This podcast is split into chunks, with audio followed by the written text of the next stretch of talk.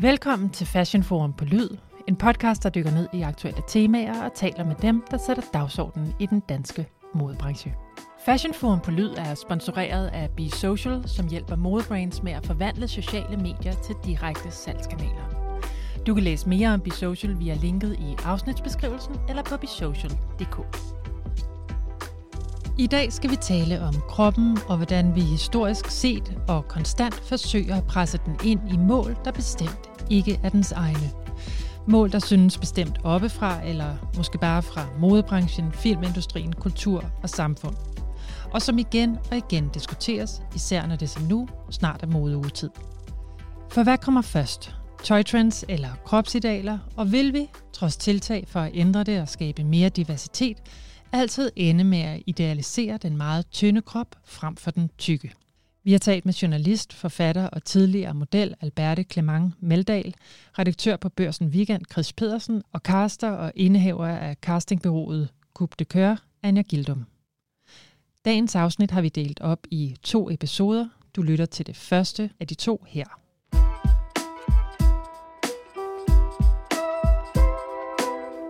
Med mig i studiet i dag har jeg Alberte Clement Meldal, der er aktuel med bogen Vægtløs, hvordan jeg stoppede krigen mod min krop, hvor man følger hendes proces med at få et afslappet forhold til sin krop efter 17 år som model, og undersøger modebranchens og samfundets syn på citationstegn, den ideelle krop. Velkommen til dig, Alberte. Tak skal du have. Alberte, du har jo arbejdet som model fra du var 14 til du var 30. Vil du ikke starte med at beskrive, hvad for nogle spor det har sat i din krop? Jo. Og i dig? Og i mig, ja. Mm. Fordi der er måske nok, øh, der er måske nok øh, art på to slags måder, fordi øh, det, har, det, har, det har skabt nogle mentale spor øh, i den måde, jeg har betragtet mig selv øh, som menneske øh, og, og kigget på mig selv udefra. Øh, men så er det også helt konkret formodentlig forårsaget, at jeg i dag har fået konstateret knogleskørhed. Altså simpelthen afkalkede knogler. Og det skyldes øh, formodentlig, vil jeg igen sige, fordi man kan ikke på den måde øh, helt bevise, at det er sådan, det er, men, men, øh, men der er ikke knogleskørhed i min familie, øh, så det er ikke på den måde noget, jeg har arvet. Øh, men fordi at jeg på det tidspunkt, hvor mine knogler stadigvæk voksede, altså hvor jeg mm. stadigvæk blev højere, der øh, fik jeg nok alt for lidt at spise. Og, øh, og så vil jeg sige, at det har jo øh, det har betydet, altså øh, der, der er en masse øh, ting omkring det at arbejde som model, som handler om, at man øh, rejser meget alene, og man skal klare mm. tingene selv, og jeg var meget ung, da jeg startede med at arbejde som model, så det, det har haft en betydning for, hvor hurtigt jeg er blevet voksen, og, og også, at jeg måske har skulle håndtere nogle situationer, som, øh, som jeg ikke ville sætte mine egne døtre i mm. øh, så tidligt. Men så har det også haft en stor betydning for, hvordan jeg har betragtet mit eget udseende. Jeg har været øh, fuld af selvkritik hele mit voksne liv.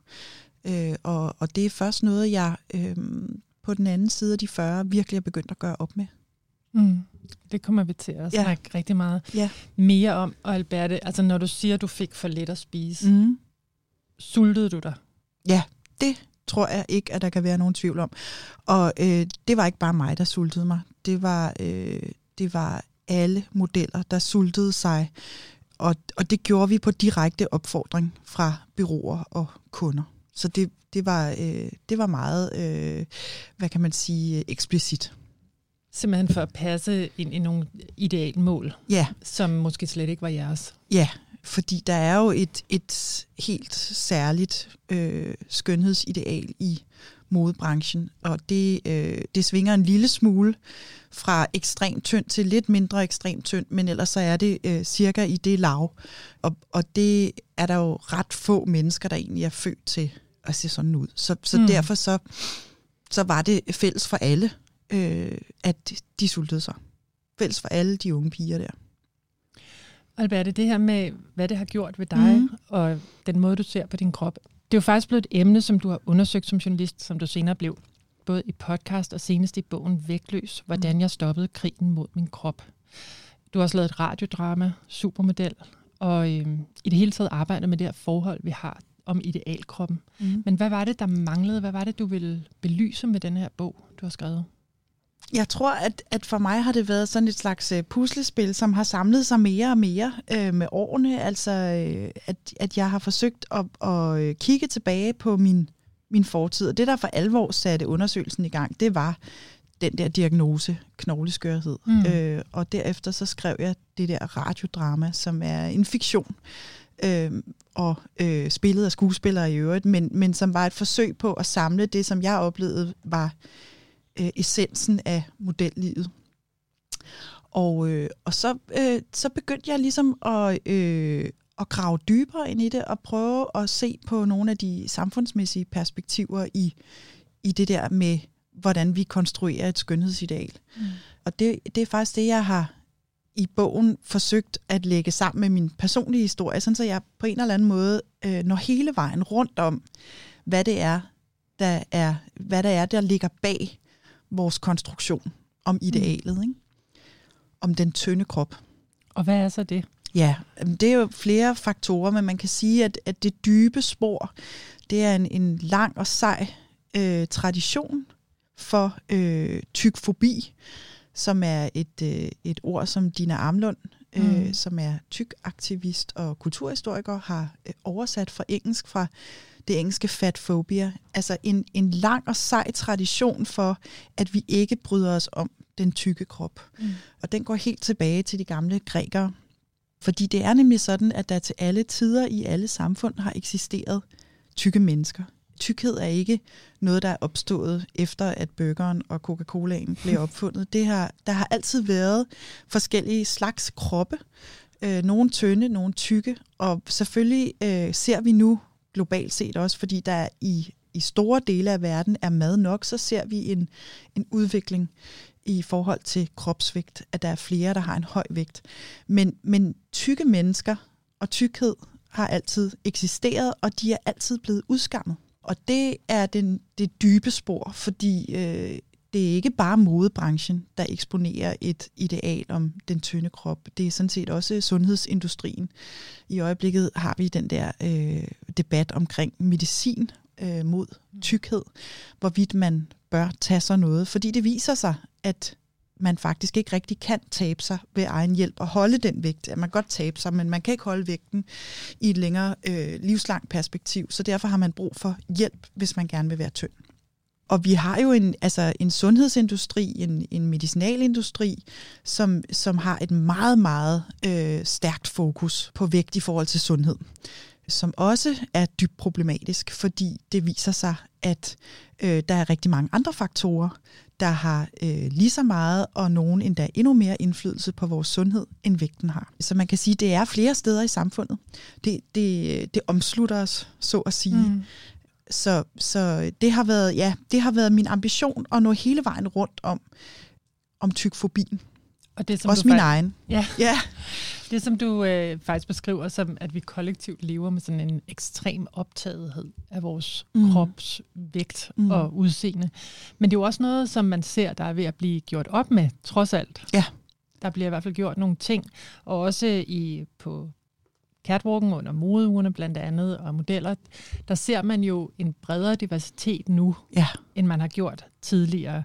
Og der er også kommet en større opmærksomhed på, at man ikke må bodyshame men sker der nok, Alberte? Nej, overhovedet ikke. Men det, der sker, er fantastisk. Altså, jeg glæder mig over, øh, jeg glæder mig over det hele. Jeg synes, at, at jo mere diversitet, jo bedre. Og jeg kan simpelthen mærke, hvordan det øh, personligt påvirker mig, når jeg bliver eksponeret for andre typer af kroppe. Altså, så, mm. så udvider mit blik sig, og pludselig øh, er jeg begyndt at have en meget, meget bredere øh, hvad kan man sige, opfattelse af, hvad der egentlig er sexet og smukt og lækkert. Så, så jo mere, jo bedre. Fordi jeg vil sådan helt grundlæggende kan man sige, vi, vi kan jo ikke holde op med at være interesseret i, hvordan vi ser ud, og jeg har heller ikke holdt op med at være interesseret i, hvordan jeg ser ud. Og det synes jeg ikke, at vi skal være, øh, mm. altså uinteresseret i det ydre.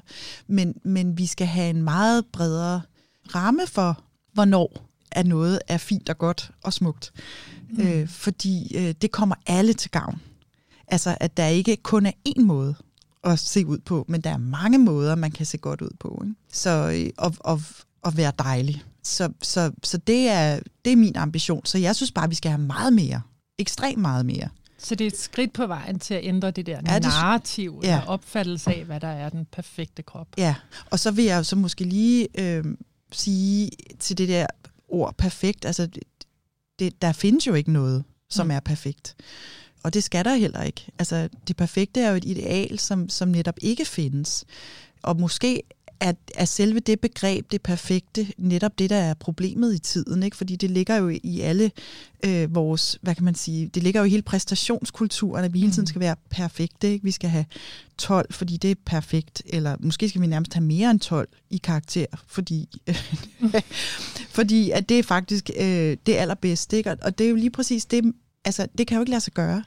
Og, og, og livet består jo af en, en lang forfalds øh, altså proces. Mm. Så, hvis, så hvis man er perfekt, når man er 14 år gammel og har, har en helt øh, stram hud øh, og er helt hårløs, så er det jo kun ned ad bakke derfra. Så, så det, det kommer jo ingen til gavn. Nej. Øh, og man kan sige, at mænd har jo i en, i en lang årrække i sådan moderne kulturhistorie øh, haft, øh, hvad kan man sige, held med at være, stadigvæk være sexobjekter, selvom de er 65 eller mere end da, ikke? Øh, og øh, har rynker og skægstube og alt muligt. Og, og det, er jo, det er jo den proces, som helst skulle ja, komme os alle sammen til gavn. Ikke? Altså, at, at der bliver altså, flere muligheder for Mm. mm. at blive ved med at være attraktiv, og vi betragter også øh, ældre mennesker som attraktive, øh, selvom de har rynker. Mm. Hvor meget tænker du, at det her ansvar i at ændre den her fortælling, hvor meget af det ligger hos modebranchen? Ej, et kæmpe stort er det det ansvar. hele? Nej, slet ikke det hele. Nej. Nej. Slet ikke det hele, fordi jeg tror, altså modebranchen, øh, altså den bliver jo bakket massivt op af sundhedsindustrien. Og, og derfor så, så er det ikke kun et æstetisk problem. Altså det er også et, et samfundsmæssigt problem, et politisk problem. Et politisk fokus, øh, som, som er skævt. Og, øh, og derfor ligger hele ansvaret slet ikke hos modebranchen, men, men jeg kunne da godt savne nogle flere vildt progressive øh, aktører i modebranchen. Øh, også politiske aktører i modebranchen, som også i forhold til hele miljø- og klimadebatten går ud og, og, og melder ud og siger, vi vil det her, det her er fremtiden. Øh, og på samme måde, så synes jeg, at, øh, at altså jeg synes, alle mennesker har et ansvar. Så, så, så jeg tænker på hele den der unge generation, som viser sig at mistrives så enormt meget, som alle undersøgelserne viser. Nu senest den der VIVE-undersøgelse. Altså, jeg tænker da bare, altså, hvis jeg skabte mode, så ville jeg øh, virkelig føle, at jeg havde en opgave der til at skabe øh, bredde og diversitet og rummelighed og altså fællesskaber Mhm. mm. og alt muligt. Og, og den bold, den synes jeg bare, at modebranchen skal øh, tage med, med åbne arme, om, om man så må sige. Ikke? Ja. Det er der heldigvis også mange af, ja. Især de unge designere, der, ja. Ja. der arbejder med, men den Mm. store kommercielle øh, bølge har nok lidt, den, den skal nok rulle lidt hurtigere, ja. Kan man sige. ja. Alberte, du har jo som ung pige oplevet på eget krop, hvad det vil sige at sulte sig for mm. at passe ind i, øh, i modens øh, kropsideal. Hvordan kunne der være blevet taget bedre hånd om dig dengang? Jeg synes faktisk slet ikke, at øh, man skal have modeller, der er under 20 år. Mm. Det vil være min varmeste anbefaling til modebranchen, fordi der er utrolig mange ting, der foregår i de der teenageår, hvor man skal lande på benene. Det er jo hele, de der, altså hele den der formative periode, hvor man skal finde ud af, hvem man er, og hvordan man ser ud, og hvad man skal lave resten af livet, og man skal frigøre sig for sine forældre osv. osv. Øh, jeg tror slet ikke, man skal have et voksenarbejde. Jeg synes, den der øh, den debat, der har været om de der MGP, øh, Mm. børnestjerner, er meget interessant. Fordi øh, det er selvfølgelig noget andet end modebranchen, men den viser jo på samme måde, at det er jo sådan set, altså selvom du sætter psykologer ind og øh, fokuserer på fællesskaber, og det skal være på børnenes præmisser og sådan noget, så er man jo sårbar, når man er ung.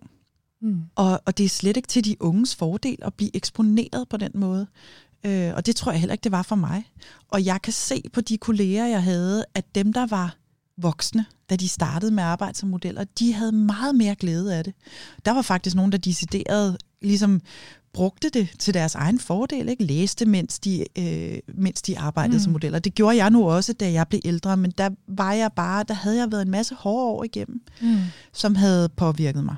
Så jeg blev aldrig glad for det. Men jeg forestiller mig egentlig, at hvis jeg havde været 20, så havde jeg meget bedre kunne tage vare på mig selv. Jeg havde meget bedre kunne sige fra i situationer, hvor jeg følte, at mine grænser blev overskrevet, eller der var noget, jeg ikke ville gå med til, øh, eller jeg ville hjem, eller jeg ville noget andet, eller altså, øh, ja, altså og jeg tror, at det interessante ved det der med kun at have modeller over 20, det vil jo også være, at at moden vil jo få et helt andet udtryk, ikke? Fordi mm. så pludselig har du ikke de der 14-årige piger, som reklamerer for parfume, der er til, til voksne kvinder, mm. ikke? Altså, så, så, øh, så får du et helt andet udtryk, fordi du pludselig har voksne kvinder, der reklamerer for voksne kvinder. Jeg er godt klar over, at man stadigvæk er ung, når man er 20, men man er ikke et barn. Man er ikke et barn. Nej. Man er ikke et barn, mm. øh, og, og det er forskellen. Så jeg ser altså helt klart den der måde at bruge unge mennesker på i modebranchen som en slags øh, børnearbejde slash menneskehandel, som, som slet ikke er rimelig, fordi du ikke har de samme ressourcer. Mm. Øh, heller ikke til at organisere dig. Altså, der, der var ikke nogen fagforening, dengang jeg var model. Altså, så det var jo korporland. Det kan godt være, det er meget mere reguleret nu, men jeg tror ikke, der findes nogen voksne mennesker, som kan passe på 14-årige piger, der rejser til London. Altså, hvordan skal man... Det kan man jo ikke, vel? Man kan, man kan opdrage sine børn til at passe på sig selv, mm. men det kræver, at de har en vis alder. Jeg var 15 år, da jeg tog til Milano. Der var der ikke nogen, der kunne have passet på mig. Altså, hvordan skulle de have gjort det? Mm. Så skulle jeg have haft min mor med, men det havde også været noget mærkeligt noget, ikke? Så øh, altså, jeg vil sige, modeller over 20, det vil virkelig rykke noget. Også i forhold til, hvad, hvad man så går med til som menneske. Ikke? Altså, nej, jeg vil ikke tabe mig mere, fordi det har jeg ikke lyst til. Det har jeg det ikke godt med. Og tror du, så, tror du hvis du var startet som 20-årig, mm. at så havde du haft en anden ballast? Ja, det er jeg slet ikke i tvivl om.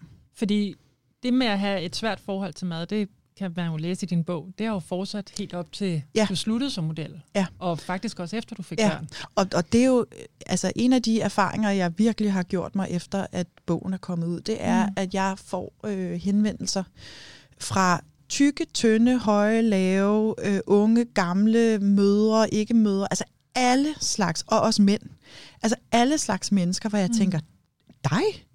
Det havde jeg bare overhovedet ikke forestillet mig, at du gik rundt og kæmpede med dit eget selvbillede, øh, eller din egen kropsbekymring, eller kropskritik, eller din børns vægt. Eller, så man kan sige, inden for det der øh, regime, mm. der findes der ingen tilfredshed. Så det er sådan set fuldstændig ligegyldigt, om du er tynd eller tyk, eller ung eller gammel, så er der kropsutilfredshed alle vegne. Mm. Og det er jo virkelig en af de pointer, som øh, er vigtige i den her sammenhæng, fordi det handler ikke om, at de tynde er glade for at være tynde, for det er de ikke. De er også bekymrede for deres kroppe, og de vil være endnu tyndere. Mm.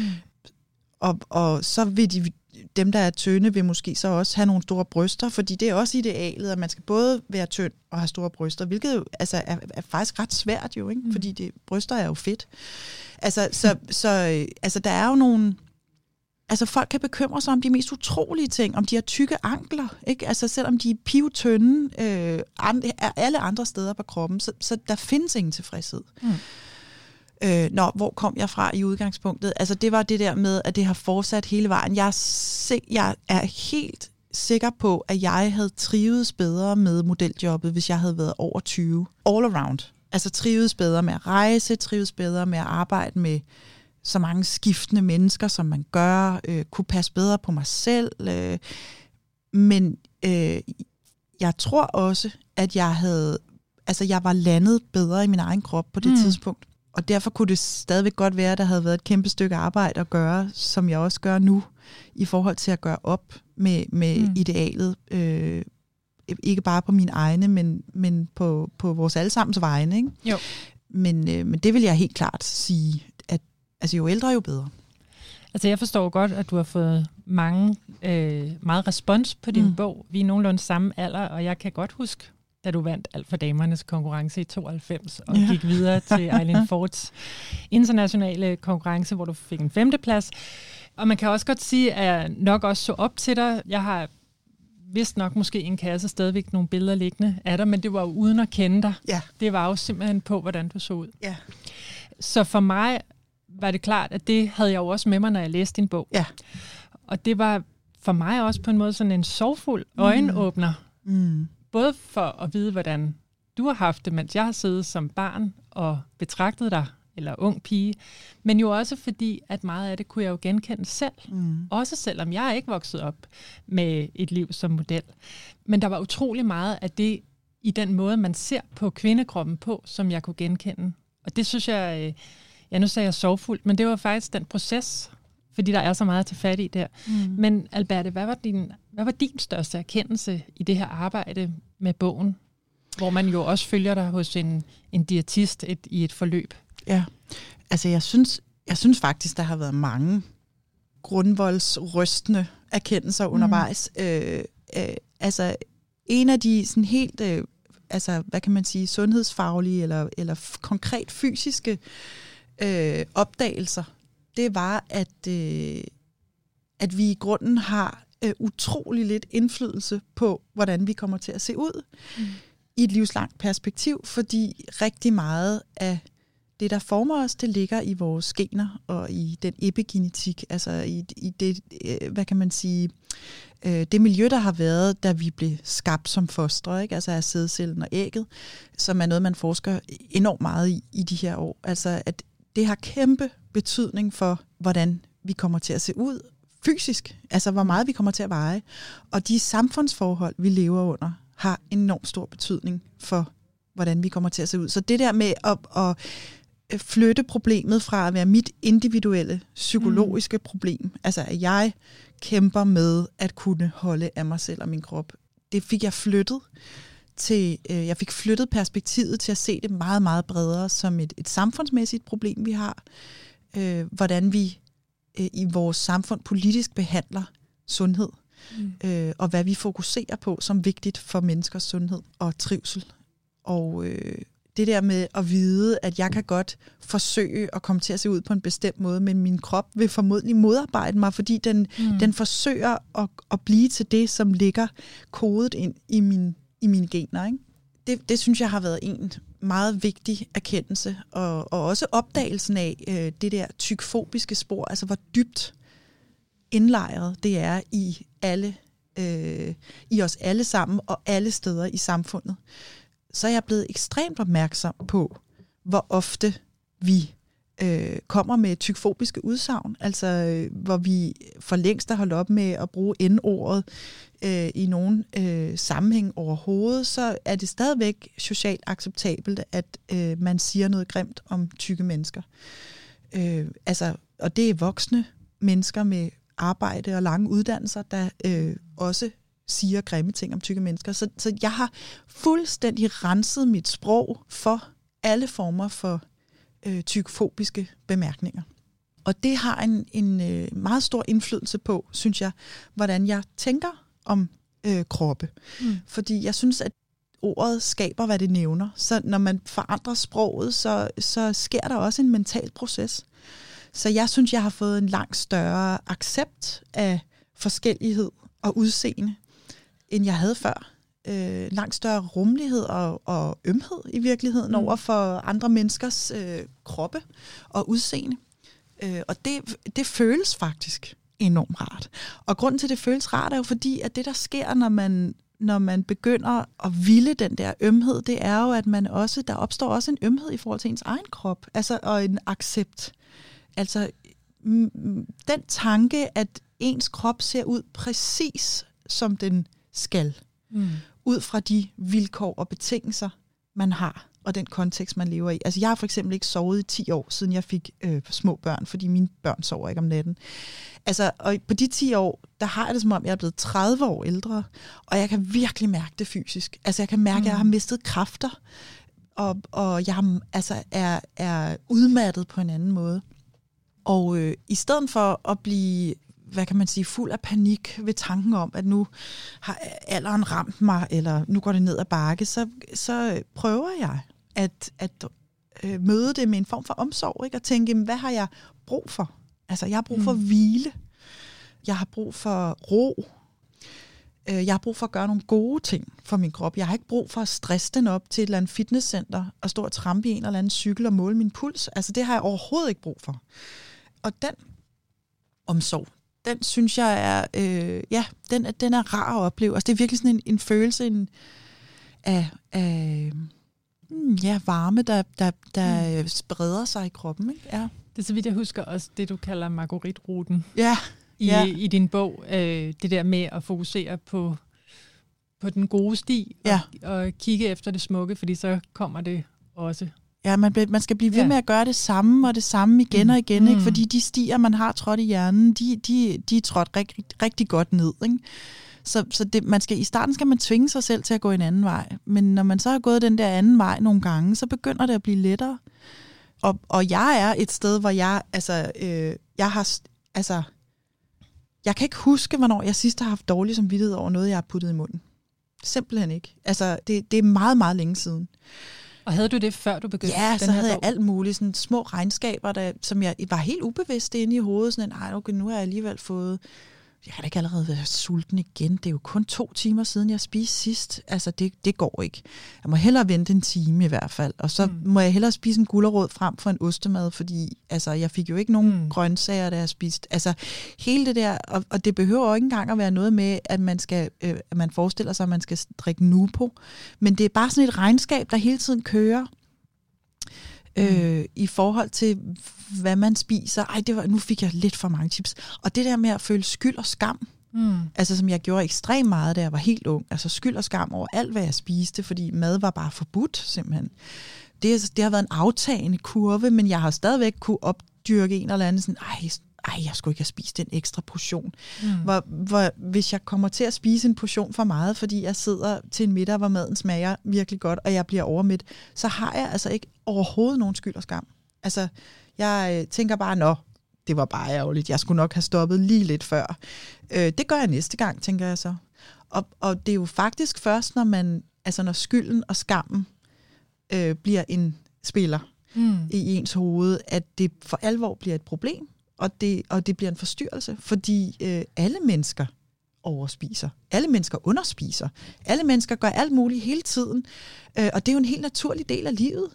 Altså, så regulerer vi lidt, og så sover vi lidt for meget den ene nat, og så sover vi lidt for lidt den anden nat, og sådan er det jo ikke. Sådan, sådan kommer vi igennem dagen og vejen. Så, så det er jo først, når man føler skyld og skam, at det bliver til et problem.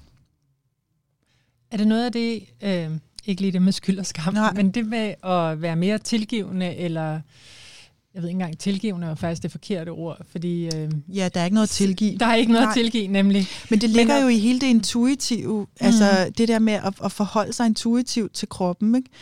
Jeg, jeg er træt, jeg har brug for at sove. Jeg er Ja. sulten, jeg har brug for at spise. Jeg er mæt, jeg har brug for at stoppe med at spise. Altså i stedet for at have et regnskab kørende inde i hovedet, altså øh, jeg skal sove x antal timer hver nat, så mærk efter, hvad har jeg brug for? Nu hopper jeg lige øh, lidt tilbage ja. Til, øh, til modebilledet egentlig også, mm. fordi lige nu der er der sådan en 90'er-trend i gang med lange, bare, flade stykker mave, Mm. lavtallet bukser. Øh, det har sådan en opblomstring. Øh, og det var faktisk også det modebillede, du trådte ind i, da du blev model. Ja. Tror du, at man kan adskille trends og kropsidealer? Eller tror du, vi kommer til at Altså jeg synes jo se den faktisk, helt tynde krop igen? Ja, det, det tror jeg helt sikkert, vi gør. Øh, så det er også derfor, når du øh, siger, at det gør vi nok, sker der nok, så må man jo sige, at det kan godt være, at der er en udvikling, som peger i retning af mere diversitet, men der er også en, en mainstream-bølge, hvor, hvor man nu igen skal ligne Britney Spears eller, eller Kate Moss, som er lige så massiv. Ikke? Så, mm. så Mm. man kan sige, at ja, man kan sige, at der, der er jo faktisk nogen, der kæmper for, at man godt kan øh, gå i crop top, selvom man har fedt på maven. Ikke? Mm. Øh, altså tykke aktivister, som, som øh, vil, vil øh, have retten til at have det tøj på, som de har lyst til at have på, uanset øh, hvordan de ser ud. Ikke? Og, og, i, i, Og egentlig også en bølge af helt unge piger, synes jeg også, der, Ja. der virker meget mere frie ja, øh, til, hvordan... ja, og så er der sådan nogle super cool artister, ikke? altså Jada, og, altså, som, som tager tøj på, som er øh, blottende, selvom at de ikke er ultra tynde. Ikke? Øh, og, og, øh, og, og det er jo bare super dejligt. Følger du med i, hvordan modescenen udvikler sig? Overordnet set, når folk spørger, "Nå, er det så ikke blevet, er der ikke sket en god udvikling, så må jeg bare sige, at altså, hvis man kaster sådan et helikopterblik på modebranchen, så er der ikke sket det, at modellerne er blevet øh, mere sunde og øh, almindelige at se på sådan generelt. Det er det ikke. Tværtimod er de kun blevet tyndere siden dengang jeg startede som model. Sådan generelt. Så er der så de der, hvad kan man sige, undtagelser, der bekræfter reglen. Ikke? Mm. Men så lægger man også mærke til dem. Men generelt så er modellerne ikke blevet tyndere, eller tykkere. Det er de ikke. Det vil jeg helt Nej. klart sige. Øh, det er jo svært at afgøre sådan lige her på stående fod. Jeg har tænkt mere over, at altså, der er også, det er jo dejligt, virkelig dejligt at se, der er en bredere diversitet ja. i kampagner og ja. catwalk. Men, men der er også lidt en tendens til nogle gange, at man så har en, der er overvægtig. Ja. Og så er resten, som de plejer at være. Lige præcis. Hvis du går ind og kigger på modellerne, altså modelbyråernes udvalg, mm. så vil du ikke finde øh, et hav af, af øh, kvinder, som, som øh, altså dækker sådan en bred, øh, et bredt spektrum af vægt. Det vil du ikke. Nej. Og, og dengang jeg startede med at arbejde som model, der var det lige i et supermodellernes øh, sådan epoke, og der, mm. der var det jo, det var jo før Kate Moss, øh, så der var der sådan set, altså, der kunne man godt have øh, lidt mere øh, fedt på kroppen. Ikke? Mm. Altså, det er jo, vi snakker jo stadigvæk ekstremt slanke, veltrænede øh, kvinder, men det var ikke sådan udsultet. Mm. Men, men du kan jo stadigvæk finde, i, altså du kan gå ind i en hvilken som helst kiosk og slå op i et hvilken som helst modeblad og finde en udsultet model. Altså øh, et sted. Ej, men jeg vil være tilbøjelig til at give dig ret. Altså jeg kan også, og det siger måske også noget om det blik, som jeg så også er vokset ja. op til at have, at jeg kan jo godt, når jeg ser tilbage på, på de store supermodeller, mm. tænke, at de så da rimelig sunde ud. Mm. Så, så overtynde var de ikke. Og det siger måske om lidt så må jeg jo give det ret i, at ja. de er blevet tyndere, mange ja. modellerne. Men jeg, jeg vil lige, altså, øh, et meget godt eksempel er, at der lå på et tidspunkt en serie på Netflix, tror jeg, som hedder Thin, øh, som øh, handler, det er en dokumentar, og den handler om livet på sådan et hjem for anorektiske piger i USA et eller andet sted. Og øh, det er efterhånden nogle år siden, jeg har set den, øh, men det handlede om det her behandlingsforløb, de gik igennem. Men en af de ting, der virkelig slog mig, det var, at mens jeg sad og så den der serie, så tænkte jeg hele tiden, men de ser jo ikke så tynde ud. De ligner bare modeller. Og, og det var altså piger, som simpelthen var ved at øh, dø af sult. Altså det var derfor, de var der, fordi de var simpelthen meget tæt på at dø af sult. Ikke? Men jeg kunne ikke se det, fordi mit øje er så indstillet på, at det er jo normalt at se sådan ud. Øh, så jeg synes egentlig bare, at de lignede øh, unge piger. Altså de var jo sådan kønne, fordi de var tynde, så jeg synes jo, de var kønne på den måde, som, som mit blik er øh, altså, øh, dannet til mm. at, at scanne. Ikke? Altså, det var ligesom pænt. Og det blev jeg egentlig virkelig bange for. Altså, at det faktisk var sådan, jeg tænkte. Ikke? Så, så det handler jo hele tiden om at få justeret det blik, og det er også derfor, jeg mener hele tiden at se bredden. Mm. Altså se kvinder med former, og tykke kvinder, små kvinder, gamle kvinder, brune kvinder, alle slags kvinder, mm. og mænd i øvrigt. Ikke? Altså, det gør en forandring. Altså, så klappede du lige på forsiden ja. af Femina, der ligger foran os, hvor mm. at, øh, at du, Alberte, faktisk er på. Mm. Øh, og vi havde en lille snak om, øh, at du faktisk var overrasket over, at du var covermodel. Mm. Nu. Ja. Og jeg var ikke så overrasket. Nej, det er sjovt. Hvorfor var du ikke det? Jamen, det tror jeg ikke, jeg var. Øh, for det første, fordi altså, du ser vidunderlig ud. Ja, det er sødt af dig. Øhm, men det andet jo også, fordi jeg synes, at vi på mange forsider efterhånden ser både, både lidt ældre, det skal ikke være nogen hemmelighed, du er i 40'erne, jeg mm. har også sagt, at jeg er på samme alder som mm. dig, øh, men også, at det ikke er den ultratynde, mm. øh, som vi har. Så, så, så for mig er det ikke sådan en, øh, gud, hvad har de Nej. sat på? Nej. Overhovedet. Nej, altså jeg, jeg tænker heller ikke, at jeg sådan er helt fuldstændig, øh, hvad hedder sådan noget, chokeret, fordi der er jo også... På ingen måde. Nej, og der er jo også den der tendens til, at man har, øh, altså mennesker, som har, altså kvinder er det jo, fordi det er damebladet, som har gjort sig bemærket på alle mulige andre måder øh, i offentligheden, ikke? Altså forfattere, kunstnere, øh, alt muligt, filminstruktører, skuespillere osv. på forsiderne, og ikke bare modeller. Så der er jo selvfølgelig også den øh, blanding. Men jeg synes alligevel, altså jeg, jeg betragter det egentlig som ret altså, positivt. Altså jeg tænker, det, det er dejligt. Man kan tydeligt se, at jeg har grå hår øh, i mit mørke hår, og øh, jeg ved ikke, om hvor meget det er retuscheret. Det skal jeg ikke kunne sige. Det er det jeg nok. mener faktisk, at Femina har været ude og sige, at de ikke retuscherer Øh, og hvis det ikke er retuscheret, så har jeg sørme ikke ret mange rynker. men altså, øh, det er jo også noget, som øh, er genetisk betinget. Ikke? Øhm, men, men, øh, men, altså, men jeg synes kun, at det er positivt, øh, og jeg er faktisk øh, glad for den forside. Altså, jeg blev, jeg blev øh, glad, da jeg så den, og tænkte, det, det, er sgu, øh, det er sgu meget dejligt, at vi er der, hvor jeg egentlig kan se meget ud, som jeg gør. Jeg har ikke særlig meget makeup på, og, og alligevel øh, kan det ramme forsiden. Ikke? Jeg kan egentlig ikke engang se øh, forskellen på, øh, da jeg var altså meget yngre. Jeg, jeg har lidt lyst til at lægge det op imod sådan en, en forside mm. fra den gang, jeg var øh, måske 20, ikke? Og, se, og, og, og se på forskellen. Det har jeg desværre ikke med. Nej, men det har jeg selv derhjemme. Men jeg kan godt forstå... mål kan jeg afsløre.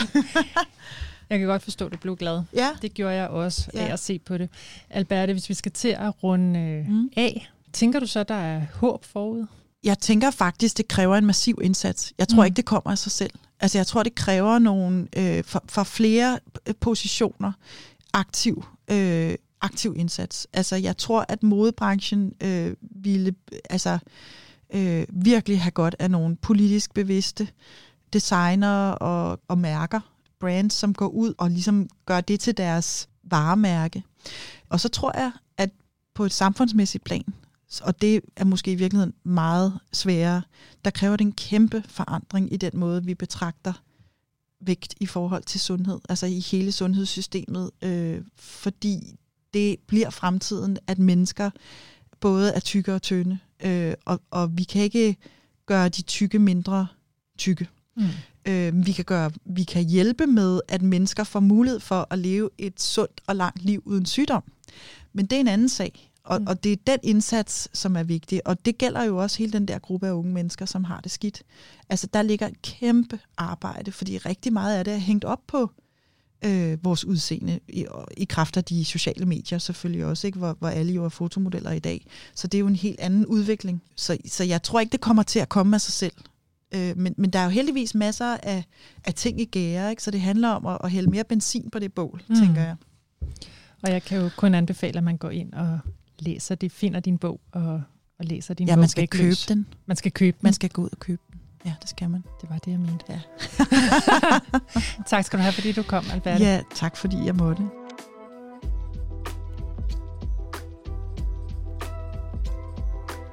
Og det var alt for Fashion Forum på Lyd. Tak fordi du lyttede med. Hvis du kunne lide, hvad du hørte, må du meget gerne subscribe og rate vores podcast, og del meget gerne med alle omkring dig. Programmet er sponsoreret af Be Social og tilrettelagt og redigeret af Amalie Theis Ybel. Mit navn, det er Carla Ågaard Strube. Vi lyttes ved om sådan cirka 14 dage.